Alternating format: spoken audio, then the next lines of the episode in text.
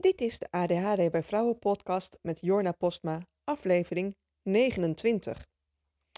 Hey, welkom bij weer een nieuwe aflevering. Toen ik ongeveer een jaar geleden nu begon met deze podcast, wist ik niet dat ik het zo leuk zou vinden om een podcast te maken. De eerste afleveringen vond ik namelijk vooral doodeng. En dat ik nu al 29 afleveringen van 20 en 30 minuten in mijn eentje volpraat. Kennelijk heb ik nog wel het een en ander te vertellen. Daar gaat wel iets in veranderen. Want ik heb inmiddels de eerste interviews gepland staan. Om weer een hele andere dynamiek aan de podcast te geven. Dat ik daadwerkelijk ook mensen ga interviewen uh, met ADHD. Over hoe zij in het leven staan met ADHD. En ook hoe zij succesvol zijn, geworden met ADHD. Bijna niet eens uitspreken. Want waarom ik deze podcast maak, is om jou op een toegankelijke manier toegang te geven tot meer informatie over vrouwen en ADHD. Eigenlijk uh, maak ik deze podcast, geef ik je de informatie die ik zelf miste toen ik mijn diagnose kreeg. Want al, alhoewel ik me heel erg goed herkende in de lijstjes met kenmerken, en er dus niet geheel onverwachts een diagnose uitrolde op mijn 39ste, miste ik heel veel informatie. Of voelde ik aan dat een hoop informatie niet compleet was, of maar een deel van de puzzel, of gebaseerd op uh, oude zienswijzen die inmiddels door de wetenschap al lang was ingehaald. Dus mocht jij je ook nog iets afvragen over de combinatie ADHD in vrouwen, let me know. Ik zoek het graag voor je uit. Ik duik heel erg graag de onderzoeksarchieven in. En vertaal dat, dat dan weer naar een podcastaflevering of een blog of beide of een artikel. Want de aflevering van vandaag is ook aangedragen door een luisteraar van de podcast en die gaat over ADHD en creativiteit en de link daartussen. Want creativiteit staat meestal ook in lijstjes met ADHD-kenmerken. Zeker in de lijstjes met de positieve kanten aan ADHD, want die zijn er natuurlijk ook. Het is niet al alleen maar dark en duister en donker. Maar allereerst, wat is creativiteit? Volgens uh, Wikipedia, want voor een, uh, een goede, um, goed begrip van de term creativiteit ben ik natuurlijk op zoek gegaan naar Wikipedia.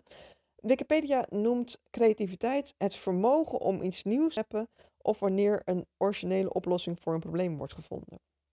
Dus uh, scheppen en origineel zijn eigenlijk de kernwoorden. En uiteraard ben ik voor, de, voor deze podcast weer de wetenschap ingedoken. Want er wordt naar de meest uh, bijzondere dingen wetenschappelijk onderzoek gedaan, ook hiernaar. Maar hoe, want hoe meet je dat dan, die creativiteit? Wat is, dat is de crux in onderzoek. Als je zegt dat uh, creativiteit meer voorkomt bij ADHD, dan moet je dus ADHD'ers gaan vergelijken met niet-ADHD'ers op zo'n subjectief onderwerp als creativiteit voor mij in ieder geval is. Maar dat blijkt dus ook niet zo heel erg makkelijk om dat te meten. Het dichtst in de buurt kwam een onderzoek dat um, aan een groep ADHD'ers en een groep niet-ADHD'ers vroeg om buitenaards fruit te tekenen. Dat, dat was uh, de opdracht. En dan bleek, nadat ze de um, resultaten terugkregen, dus de tekeningen terugkregen, bleek dat de groep ADHD'ers over het algemeen een fruit had getekend dat het minst leek op wat we hier op aarde kennen. Terwijl het fruit van de groep niet-ADHD'ers over het algemeen wel leek op iets wat we hier op aarde kennen. Over het algemeen dus. dat blijft super subjectief. Uh, andere onderzoeken laten zien dat ADHD'ers inderdaad beter zijn in het oplossen van problemen op een originele manier. Dus niet een manier die heel veel lijkt op wat er probeert, maar echt origineel, vanuit een volledig nieuwe invalshoek. Uh, een onderzoek dat ik las onderzocht de mate van divergent denken en convergent denken bij ADHD'ers en niet-ADHD'ers. Uh, dit zijn termen die ik ook door het lezen van dit onderzoek heb geleerd, want ik heb ze daarna natuurlijk opgezocht. Omdat dit dingen zijn die je wel redelijk kunt meten. Blijkt dat ADHD'ers beter zijn in divergent denken en niet-ADHD'ers beter in convergent denken. Maar wat is dat dan? Divergent denken is wat eigenlijk bedoeld wordt als je wordt gevraagd om out of the box te denken. Om iets anders te bedenken dan wat er al bestaat.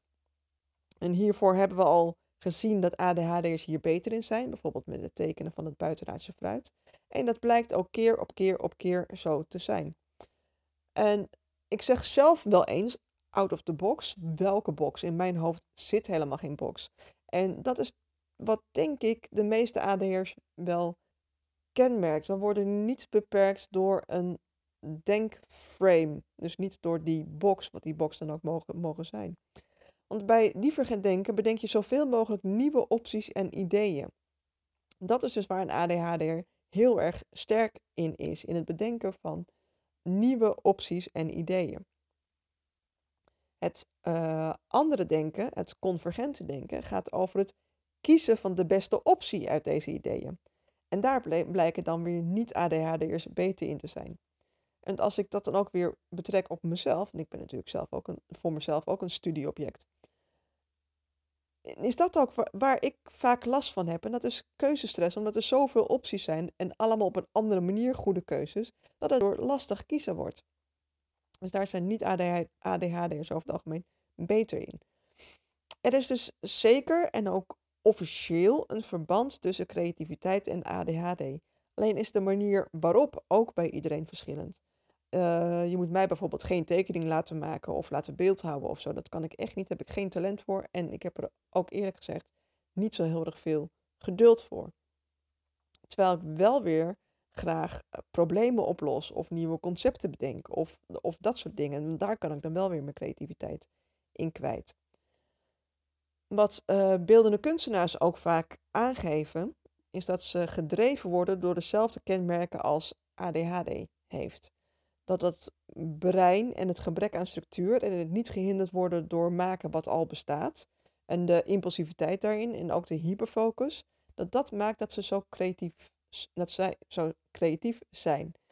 En geloof, geloof het of niet, maar in, er is ook onderzoek gedaan naar uh, bekende personen uit de geschiedenis, of die dan wel of niet uh, ADHD-kenmerken bezitten. En dan blijkt dat inderdaad heel veel creatievelingen zoals Leonardo da Vinci, maar ook Mozart en, en Beethoven, dat die allemaal kenmerken bezaten die passen bij ADHD. Dat is ook weer een bijzondere vorm van wetenschap.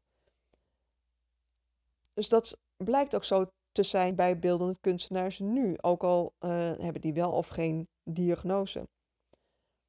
Maar leuk, dat je als ADHD'er zo, zo creatief bent of dat je creatief kunt zijn, wat heb je eraan? Nou, als je beeldend kunstenaar bent, dus best een hoop.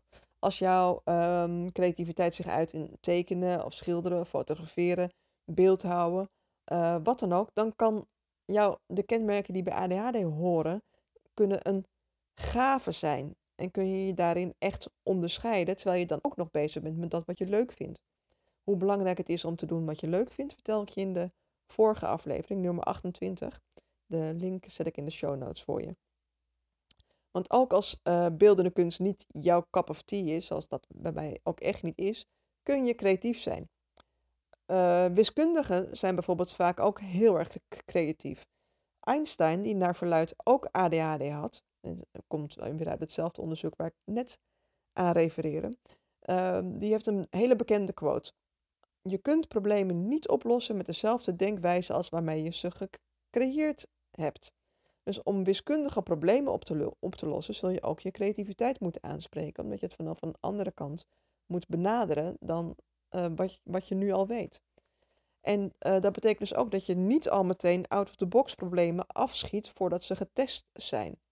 Er zijn ook best wel een aantal uh, grote uitvinders die blijken dat ze ADHD hebben, zoals uh, uh, Edison bijvoorbeeld. Dit zijn allemaal uh, aannames, hè, want officiële diagnoses hebben, ze, hebben ze niet, maar op basis van, van biografieën en kenmerken uit de li literatuur hebben ze dat een beetje geprobeerd te reconstrueren. Mm, dus niet meteen out-of-the-box problemen afschieten voordat ze getest zijn. Zo wordt wel gezegd van Thomas Edison, de uitvinder van de gloeilamp, die uh, waarschijnlijk in de huid, als hij in de huidige tijd had geleefd, ook uh, een ADHD-diagnose zou hebben gehad. Dat hij geloof ik wel 80 prototypes heeft gemaakt voordat die uiteindelijk op de gloeilamp uitkwam, die het ook daadwerkelijk deed. Dus in iedere keer het probleem vanaf een andere manier benaderen om uiteindelijk te komen tot iets wat wel werkt.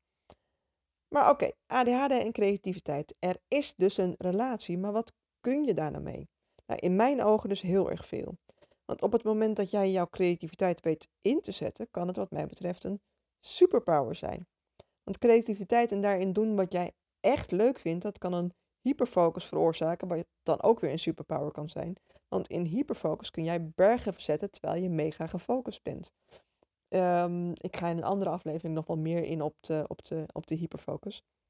En misschien heb je me al vaker horen zeggen dat ik ADHD zie als kompas. Um, met ADHD weet je feilloos wat je wel en wat je niet leuk vindt. En met weten bedoel ik niet dat je dat verstandelijk beredeneert, maar weten op een onbewust niveau. Want verstandelijk kun je nog zo goed beredeneren dat je die ene baan leuk zou moeten vinden, omdat het je financiële zekerheid geeft en op papier alles heeft wat je zoekt. Of omdat het iets wat je omgeving graag wil dat je dat je doet. Of dat die uh, studie die je aan het doen bent, dat die perfect is, omdat het een goede baangarantie geeft. Onbewust weet je dat het misschien niet zo is, omdat je elke dag uitgeput thuiskomt, omdat je veel meer energie weggegeven hebt dan teruggekregen. Dat is dat kompas waar ik het over heb. Dat je energie lekt op het moment dat je iets doet wat niet leuk is. En met energie lekker bedoel ik niet zomaar een klein beetje, bedoel ik echt ontzettend veel. Dat wordt dus beloond met vermoeidheid. En het is totaal te verklaren, want het kost je dan heel veel energie om het te blijven doen, om constant je focus terug te brengen naar wat je aan het doen bent. Omdat je brein al lang is afgedwaald, omdat je constant op zoek is naar wat wel leuk is en wat wel bevredigend is, in de zin van een dopaminebeloning. Of dat zich nu uit in uh, rusteloosheid in beweging, zoals bij, bijvoorbeeld bij de hyperactieve variant van ADHD, of in het wegvluchten in je eigen gedachten of in je eigen fantasie, zoals bij de uh, overwegend onoplettende type. De oorzaak is hetzelfde.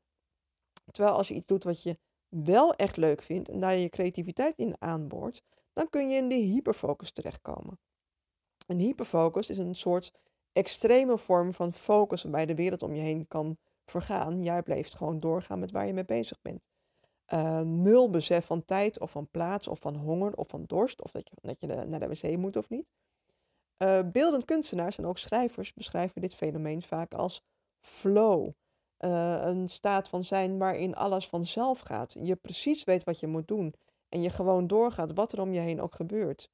Want in deze vorm bezit hyperfocus een enorme creatiekracht. En die creatiekracht is natuurlijk ook creativiteit. Je creëert iets.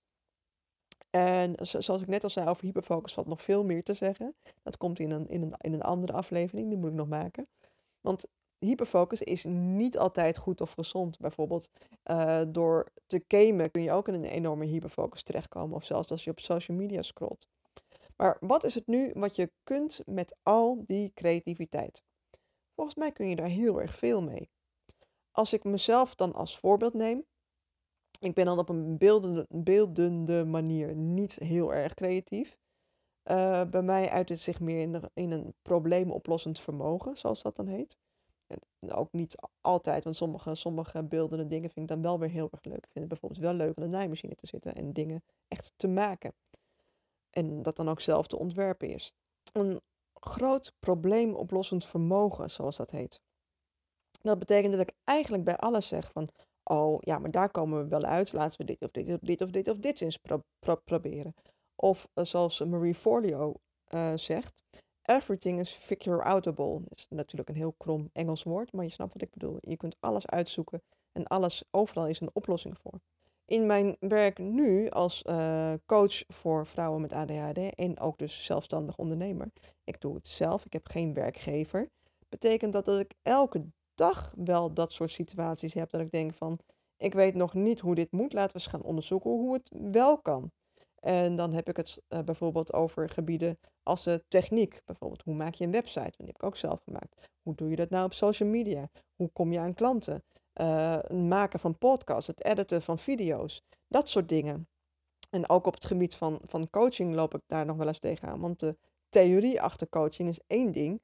Hoe je dat dan doet met echte mensen, echte daadwerkelijke klanten, is weer een andere. En ook daar word ik steeds beter in naarmate ik natuurlijk veel meer klanten heb geholpen. En zo is ook mijn hele zoektocht naar wat wel werkt bij ADHD ontstaan. omdat ik niet tevreden was met de hulp die er was, ben ik er zelf naar op zoek gegaan. Stappen genomen, dingen geprobeerd en uitgezocht hoe dat dan werkt in je brein. Dat is dus mijn vorm van creativiteit, dat probleemoplossend vermogen. En daar word ik dus heel erg blij van. Ik word heel erg blij van het uh, maken van de podcast, bijvoorbeeld. Uh, en daar ben ik ook heel erg dankbaar voor dat ik dat kan doen. Maar dit kun jij dus ook. Je kunt ook uitzoeken hoe dat dan zit, waar jouw creativiteit zit, jouw creatiekracht. Wat jij kunt creëren. Want hoe ik ADHD'ers zie, is ook vaak als de vernieuwers. Niet gehinderd door enige vorm van we doen zoals het hoort. Of omdat we dat nou eenmaal zo doen hier. Uh, gewoonweg omdat we die manier meestal niet aangeleerd krijgen. Als, als uh, ADHD'er lukt het me gewoon niet om iets te doen omdat het zo hoort als ik daar de logica niet van inzie. En daar krijg ik dus ook gewoon echt niet aangeleerd. En daarom ben ik, word ik ook wel eens bestempeld als een stront eigenwijs, omdat ik dan daarin toch mijn eigen vorm aan het zoeken ga. Maar juist door op zoek te gaan naar hoe dat ook kan, nieuwe manieren, kun je die creativiteit aanboren. En kun je bijvoorbeeld ook andere mensen laten zien dat het niet per se op de oude manier hoeft. Want daarin zit ook de vooruitgang. Want als, je, als wij als maatschappij alleen maar dingen blijven doen zoals we het altijd al hebben gedaan, dan is er geen vooruitgang. Als uh, Henry Ford bij, bijvoorbeeld, die waarschijnlijk ook uh, eh, ADHD had, uh, nooit de auto had uitgevonden, bewogen we ons nu nog steeds voort met paard en wagen, bijvoorbeeld.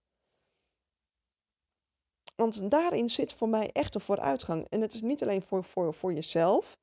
Um, dat, je, dat je, doordat je iets doet wat je echt heel erg leuk vindt en dat je dingen creëert, dat je daar blij van wordt en daarvan groeit als mens. Dus dat, dat daar, daar in de vooruitgang zit.